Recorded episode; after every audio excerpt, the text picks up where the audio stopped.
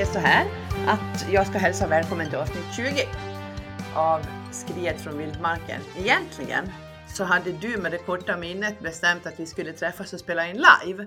Men det hade du ju glömt. Nej, det hade jag inte glömt, men det går inte för att det är så mycket att göra. Ja, okej. Men våran podd får gå på systemet nu. Va? Den är 20. Vem är 20? Podden. Ja, just det. Ja, ja. Jag vet att jag lovade förra veckan att jag skulle prata om det här med att jag inte tänker vara arg på hela eh, november. Eh, för att jag har en tendens att bli arg, så då har vi bestämt att det ska vi inte ha. Men det får vi skjuta på lite, för nu är jag arg. Ser du? För det har skitit sig redan. Nej, det har det faktiskt inte, utan det, det jag inte får vara arg på, jag får inte vara arg hemma. Nej, nej. Och det går bra. Och eh, nu är det bara 29 dagar kvar av november. 19, kan inte räkna heller, idiot. Nej. Men apropå inte kan räkna, eh, jag skulle vilja prata om en eh, finansminister. Jaha. Nej, vi gör så här. Vi tar och lyssnar på den före detta finansministern och numera finanspolitisk talesperson för Socialdemokraterna, Mikael Damberg. Och vi ska också säga att citatet kommer ifrån Expressen.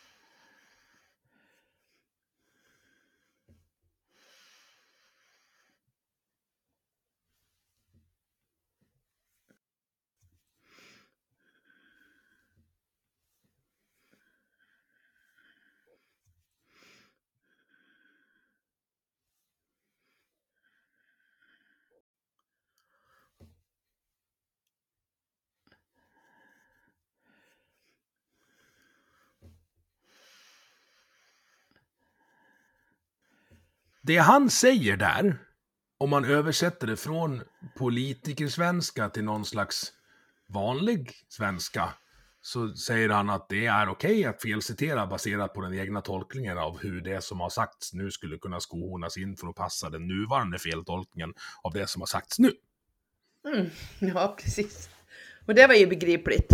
Nej men det är ju inte det, det blir ju fullkomligt Nej. jävla obegripligt och ohederligt. Och det här är en av de, ändå en av de politikerna jag tycker har försökt och liksom visat upp någon slags intellektuell eh, hederlighet. Eh, alltså, Johan Perssons sätt att framföra det han försökte säga var ju kanske inte det smidigaste. Han brukar ju sätta fart på mun innan hjärnan är fullkomligt varmkörd. Eh, Ja, precis. vilket jag tycker är lite charmigt. Jaså? Ja, men alltså det, det han säger, Persson, är ju att man säger en sak före valet, sen blir det val, och så säger man en sak också efter valet. Men det där också, det tas bort när han citeras, och sen läggs det till att man säger en annan sak efter valet. Mm. Men det är ju uppenbart för vem som helst som tittar på, på när han säger det, vad han menar. Mm. Och den här ohederligheten eh, i debatten tycker jag är ett av våra största problem.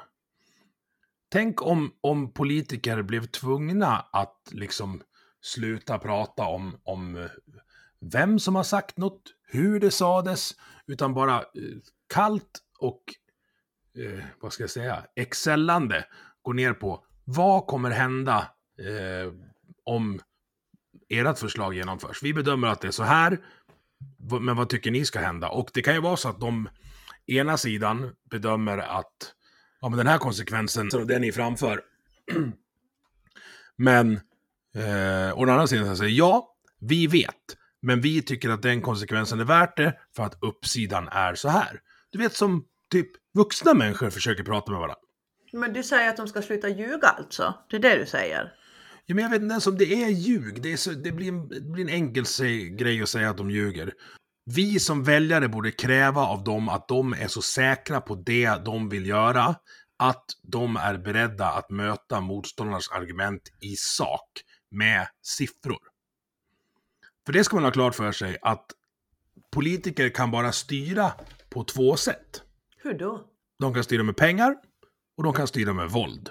Det är de enda två styrmedlen som finns när det kokar ner. Hur då med våld menar du? Med våld? Ja, Ja, polisen gör ju inte som jag säger, den gör ju som riksdagen säger i bästa fall. ja. Så menar du? Mm. Så menar jag. Ja, ja. Så du är under pistolhot tvingad att finansiera Melodifestivalen. Grattis! ja usch, fy fan, jag har varit på den en gång, live. Ja, jag med. Jag har jobbat på den. Det var ju, ja, det var ro roligare än att vara där och titta. Timbersport var roligare. Mm. I alla fall. Den här ohederligheten i argumentationen eh, genomskådas ju Ja, av ganska många. Och det leder till att folk rycker på axlarna och säger fuck it, jag får väl klara mig själv då. För de här människorna går uppenbarligen inte att lita på. mm. De vill ha hälften av pengarna, som jag, eller hälften av värdet jag genererar. Och dessutom ska de tvinga mig att följa regler som jag tycker är helt vansinniga. Men det får med, sig en, får med sig en till effekt också, tänker jag. För människor som är, är bara lite politiskt engagerade och, och debatterar och pratar med sina kamrater om det, de fastnar ofta i de här jävla tramssakerna som de där två håller på med, eller som han håller på med och tolkar fel. Och så blir den politiska diskussionen bland vanligt folk, den blir inte en vettig diskussion, utan det blir bara en diskussion om skit. Mm. Vilket resulterar i att folk inte orkar engagera sig politiskt. Ja, Vilket också leder till eh, fuck it, jag gör det själv. mm. Vilket är en berömvärd eh, egenskap att liksom försöka att vara eh, samhället till last så lite som möjligt. Mm. Men då tänker jag att det vore ju berömvärt om det funkar åt andra hållet. Om samhället försökte att vara mig till last så lite som möjligt. ja.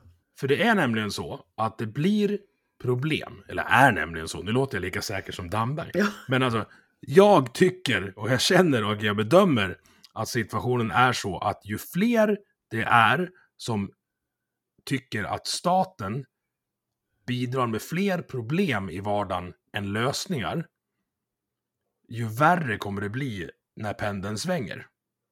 Och den kommer svänga. Jag tror inte att, att det här valet är liksom, eh, vad ska jag säga, den längst utsträckta delen av pendeln. Apex heter det på engelska. Ja, ja. Förstår du vad jag menar? Att, att pendeln kommer dras ännu mer mot eh, större stat, ännu mer ofantlig offentlig sektor, högre skatter, mer statlig inblandning i vad som händer till och med innanför väggarna eller innanför min tomtgräns. Jag har ju tappat tron på demokratin så. Ja, jag vet det. Men, men alltså, jag är inte riktigt där än. Men vad jag menar är att det är så mycket upplåst pengar i långa, långsamma system. Det är så många politiskt tillsatta generaldirektörer i myndigheter. Och det är så liksom inpräntat i det svenska grundmedvetandet att har man ett problem så ska staten, kommun eller någon annan hjälpa en med det. Så jag tror inte att det kommer kunna ändras över över de kommande fyra åren. Och det är, alltså det är en stående punkt jag har i det hela, att eh, Kristerssons regering borde säga det hela jävla tiden. Att vi vet att det är stökigt nu. Det, om vi skulle slänga på någon slags quick fix på det här så skulle det bara göra saker värre. Mm. vi måste jobba metodiskt och målinriktat och evidensbaserat, det vill säga vetenskapligt, för att ändra på det här. För det finns ju exempel på stater som har fungerande välfärdssystem. Alltså det är ju no det är någonting som är skevt när en läkare från Tyskland spenderar nästan dubbelt så många timmar i veckan med patienter som vi gör. Mm. För att våra läkare är dränkta i administration och trams. Varför man har tagit bort läkarsekreterare till exempel. Ska Inte nog med det, man har journalsystem som inte pratar med varandra. Ja, jag vet. Så de får faxa journaler till varandra. Mm. Det känns ju jävligt Va, 2000-tal. Faxa får man göra, men man får inte e-posta. Nej, det är samma Det är sak på polisen. Ja, det är sjukt. Eh, för, ja, för att IT-kompetensen är på nivå med eh, behöva sex försök för att stoppa i ett USB-minne. Min poäng då, och min lösning, för sådana Mm. måste vi ju ha, det är just det här. Behandla oss som vuxna. Jag kräks på hur man presenterar budgeten till exempel. Och man ska vara riktigt nördig för att kliva ner i budgeten. Det enda man gör när man presenterar den är att berätta vilka satsningar man gör. Det är inte det intressanta i en statsbudget. Nej. Det som är mest intressant är vad slutar man göra? Precis. Hur ser det ut i slutändan? Nej, men så här, vilka myndigheter, företeelser och så vidare får mindre pengar? Mm. Nu har- är det en sak som har kommit upp nu och det är den här elbilspremien. Mm. Som alltså är en, en, eh, ett tillskott av rent kapital till den som köper en eldriven bil. Mm. Det har ju resulterat i, precis som när de körde elcykelpremien, att de enda som tjänar pengar på det, det är ju elbilstillverkarna. För i och med att premien kommer dit så blir marknadssegmentet större. Det vill säga folk som har lite mindre pengar kanske har råd med en ny elbil.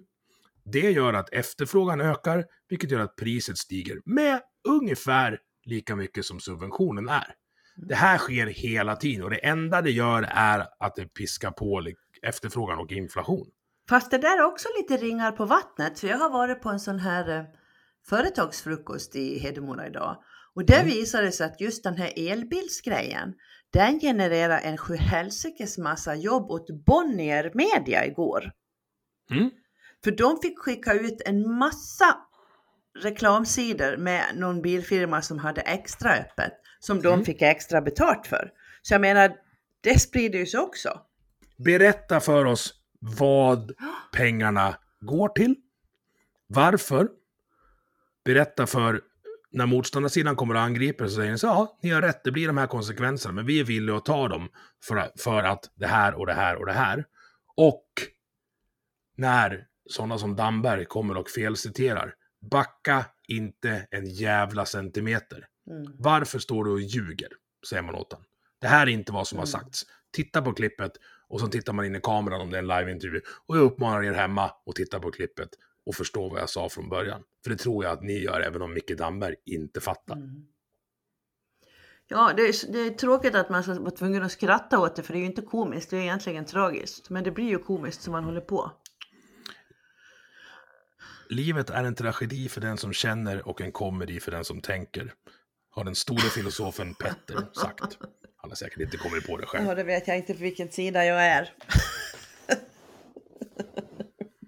Nej, Ja. man ska ju vara någonstans på bägge. Eh, Man kan inte bara gå omkring och känna och inte tänka, då blir man ju vänsterpartist. Nej, precis.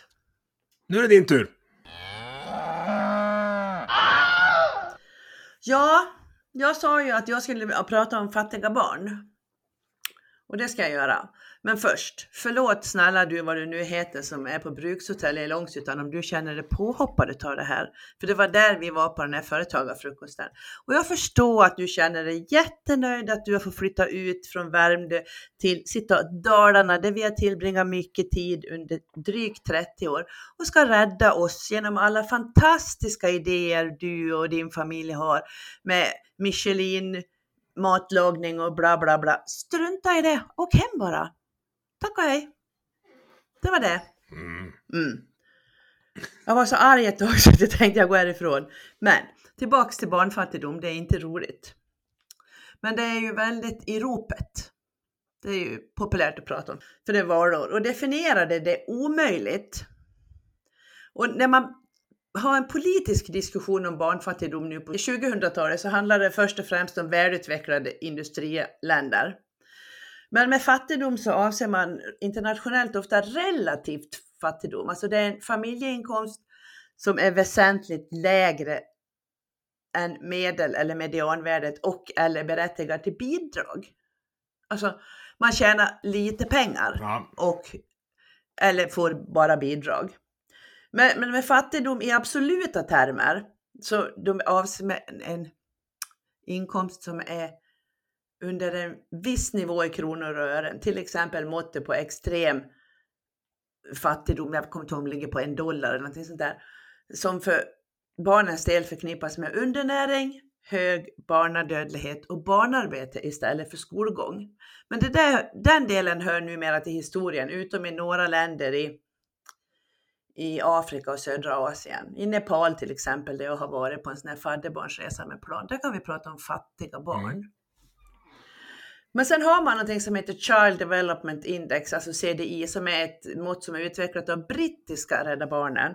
Och då anger man det på en skala från 0 som är bäst till 100 som är sämst. Och det är en sammanvägning av följande indikationer, alltså utbildningsnivå, det är andelen barn i skolåldern som inte är inskrivna i skolan, hälsa, barnadödlighet under fem års ålder och föda och svält. Andelen barn under fem års ålder som är måttligt eller allvarligt underviktiga definierat som två standardavvikelser under medianvikten för åldersgruppens referenspopulation, bla bla. Och det här är inte användbart i resten av världen och i alla fall inte i Sverige. Men Rädda Barnen i Sverige har utarbetat mått för barnfattigdom i Sverige. Här är det ju numera så att fattiga barn blir tjockare än andra barn. Mm. Det är inte mm. så konstigt.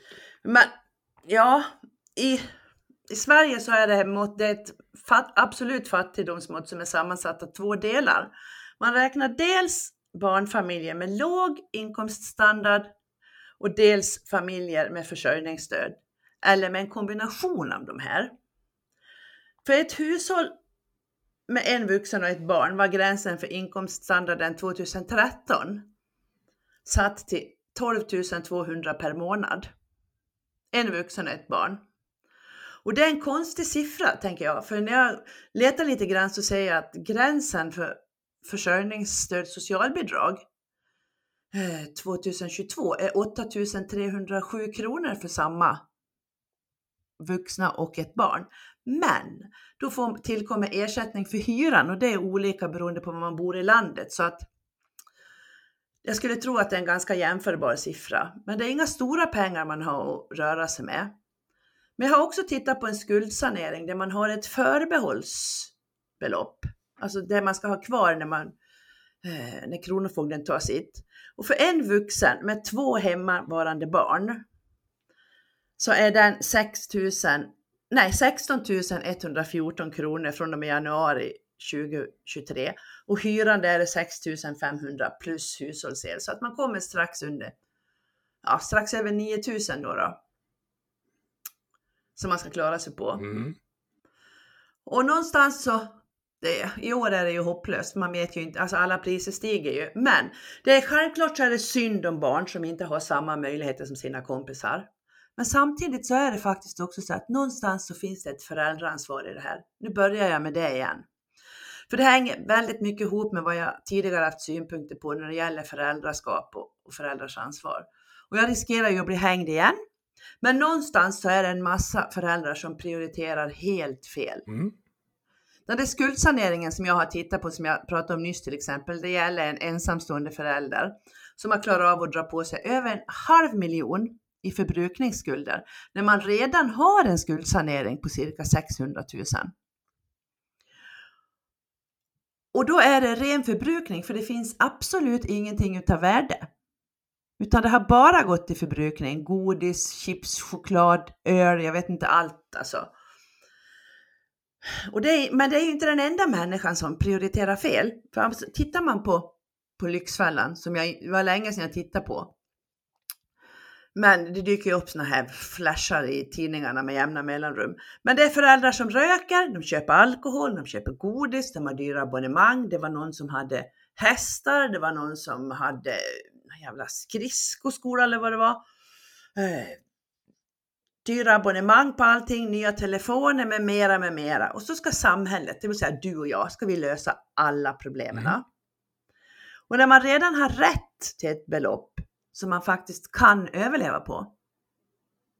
För det har man. Alla har rätt till det här beloppet som man kan överleva på. Men det är ju ingen oxfilé, det är inte en sexpack öl till helgen, alltså, utan man, man får leva snålt för att man har Och inte vilket belopp var det? Var det 9000? Ja, alltså för det var ju en hemmavarande vuxen då med två barn. Mm.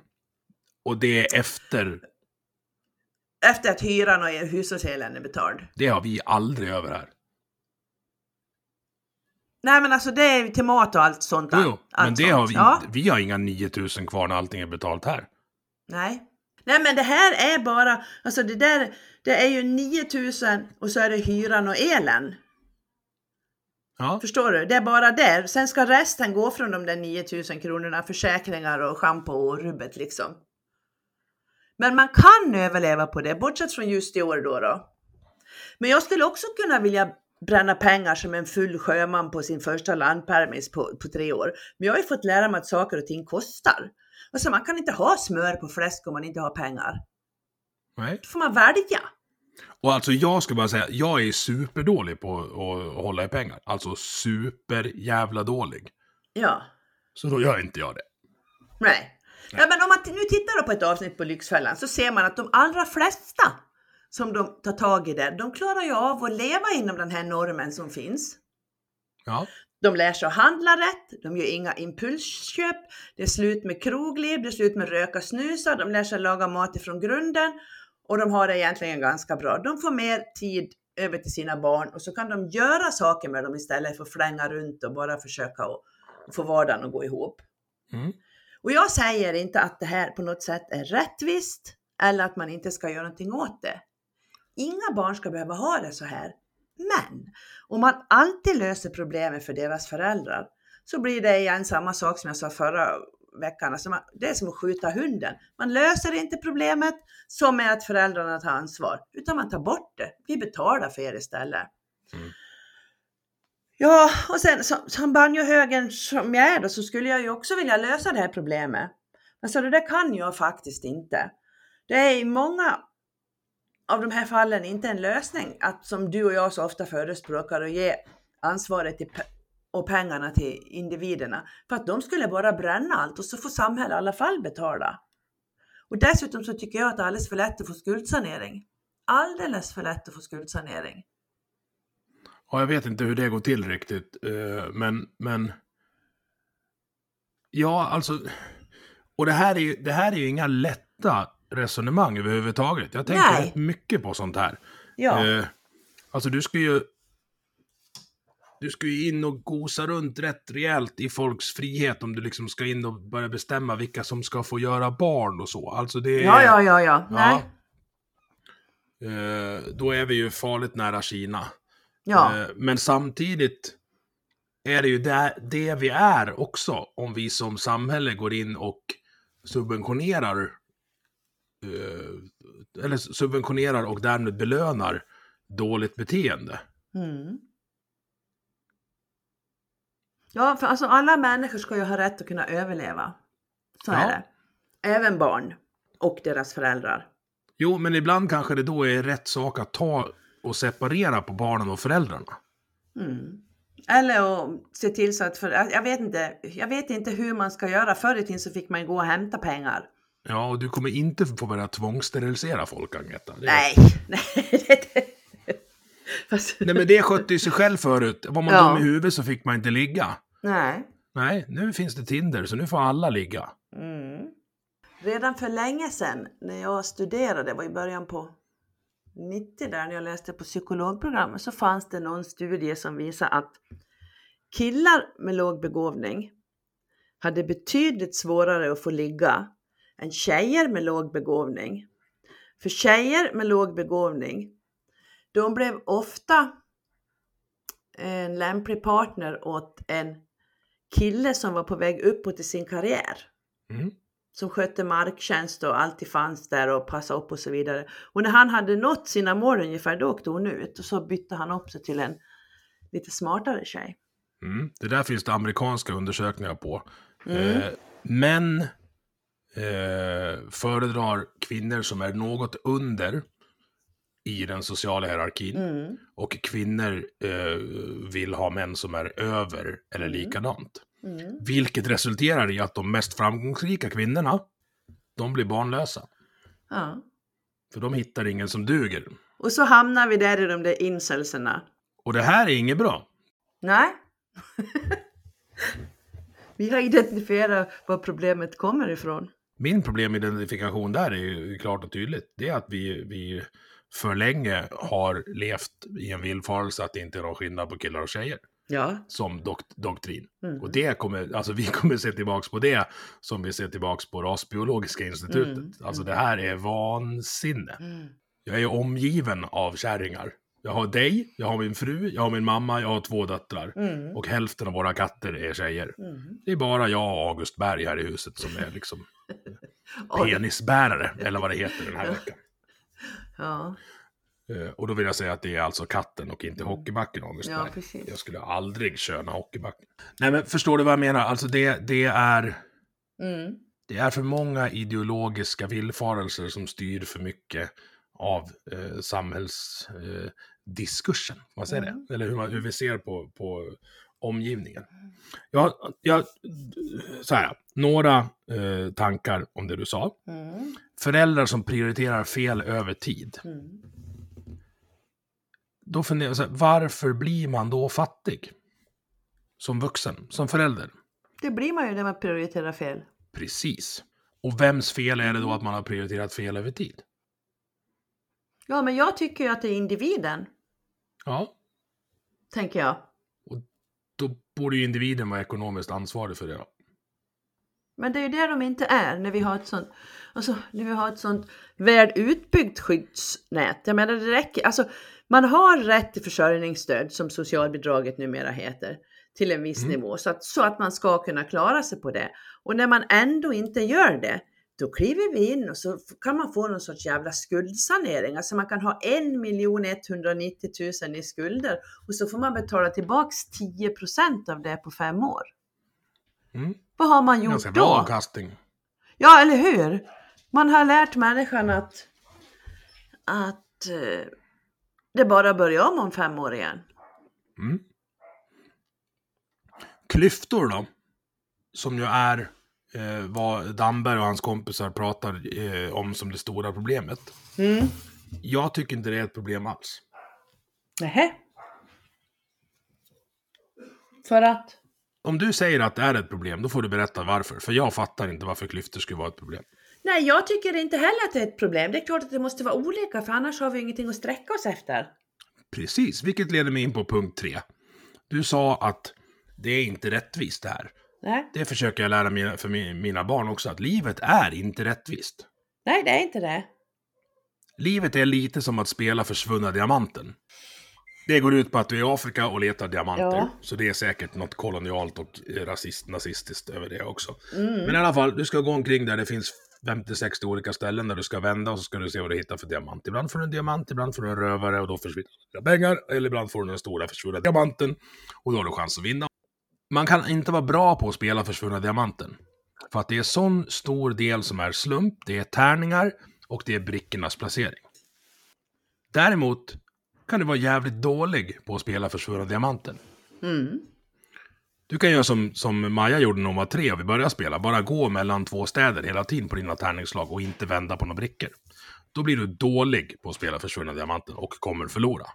Ja, Det är lite samma sak med livet, tänker jag. Att man är Det- dålig på att slå tärningen. Eller Nej, vad menar det du? väl, livet innehåller så stora andelar av slump att det är väldigt svårt att bli bra på livet. Ja. Det man ska försöka undvika är att vara dålig på livet. Och att vara dålig på livet innebär att man un under lång tid och under många på varandra efterföljande val, inte till riksdagen utan egna val i livet, prioriterar fel. Och då kommer du inte vinna. Nej, så är det. Du ska ju ge dig själv chansen att vinna. Mm. Men om du, om du prioriterar fel, då, då eh, är den chansen väldigt liten. Vilket i sin tur kan leda till att du väljer att göra, eh, så här, spela högriskgrejer, det vill säga sälja allt du äger och sätta det på rött på roulette eller motsvarande. Eh, eller göra prematura uttag, kanske från framtida inkomster via Klarna eller motsvarande, eller framtida glädje via Systembolaget.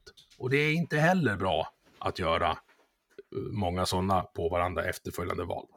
Och, och många gånger så handlar alltså många gånger så vet man ju vad som är rätt och ändå gör man fel. Därför att man vill inte stå där, man vill inte stå där med skammen och vara den som inte är lyckad. Och så, för att då har man ju en definition av lycka att man alltid är på topp och så är det ju inte. Man är ju lyckad om man klarar av att få sitt liv att gå runt och man är någorlunda nöjd. För igen tillbaks till de här avsnitten av Lyxfällan som jag har sett. De allra flesta människor som kommer ur den här ekorrhjulet de är i, de är ju väldigt tacksamma över att de får tid över till annat. Och de går promenader med sina barn, de leker med dem i skogen och de gör en det ena och det andra som inte kostar pengar. Och alla får det bättre. Du har rätt. Igen. Men det har ingen lösning. Ska vi prata trams då? Ja, tramsar du. Du får inget svar därför att det är trams. Du har låtit din hustru läsa hemliga handlingar. Du får inget svar därför att du håller på med trams. Omställningsbidrag. Jaha. Mm. Det finns en kille som heter Johan från Borlänge som tillträdde till bostads, som, som bostadsminister i november. Jaha. Nu har han fått sluta då, i och med att vi bytte regering. Mhm. Vet du vad han får för fallskärm för det då? Nej. 145 000 kronor i månaden i 11 månader. Ja. Jag ska ta fram miniräknaren här. På tal om skuldsanering. Ja, det lär ju inte han behöva efter det här. 1 590 95, precis. Ja. Och så blir det väl hälften i skatt på det då. Eh, Så nästan 800 000 för att gå hemma i 11 månader. mm. Jag vill fortsätta jobba fackligt eller politiskt. Jag hoppas att det inte dröjer allt för länge innan jag har arbete igen, säger han till Borlänge Tidning. Ja. Så här är det, jag kan köpa att det ska finnas någon slags fallskärm för politiker, för de ska kunna ta eh, ganska tuffa beslut Mm. som kan påverka näringslivet. Det är, ja, helt okej argument. Men ska vi bygga ett samhälle där ministrar och, och alltså riksdagsledamöter är av den kalibern att de inte överlever på den privata arbetsmarknaden utan måste ha hjälp och, och få, få pengar efteråt. Jag tycker att det här sticker lite i ögonen. Mm. Speciellt kanske från socialdemokratin. Jaha. Hur många arbetare tror du har samma löner som de längst upp i arbetarepartiet? Ja. Nej, inte jättemånga va? Nej, det är väl fyra årslöner till fem kanske åt en arbetare. Värst var ju, var ju de som hade varit ministrar men nu går tillbaks till eh, att bli riksdagsledamöter. De får också omställningsbidrag fast de redan har över 70 000 i riksdagslön i Mm. månaden. Så att de ska landa mjukt. Mm. I pengar. Och det här då i, i ett samhälle där, där vi eh, tycker att vi inte har råd med de basala infrastrukturerna och kärnverksamheten, det vill säga vård, skola, omsorg, polis, rättsväsende och försvar. Det är fan värre än skuldsanering. Det är lite så va? Så, ja. Nej. Jag har ingen lösning, men det behöver jag inte Ja. ha i segment 3. Jag bara konstaterar att det här är trams. Det vart inte så mycket vildmark idag, Nej. men desto mer skri. Jo, men det var lite grann där jag hoppade på brukshotellet. Ja, då satt jag och googlade på barnfattigdom, så jag får lyssna på det när det publiceras. ja, gör du det? Tack för idag, Ja, tack för idag. och Hejdå. grattis på 20 avsnittsdagen. Ja, detsamma. Kram på dig. Hejdå.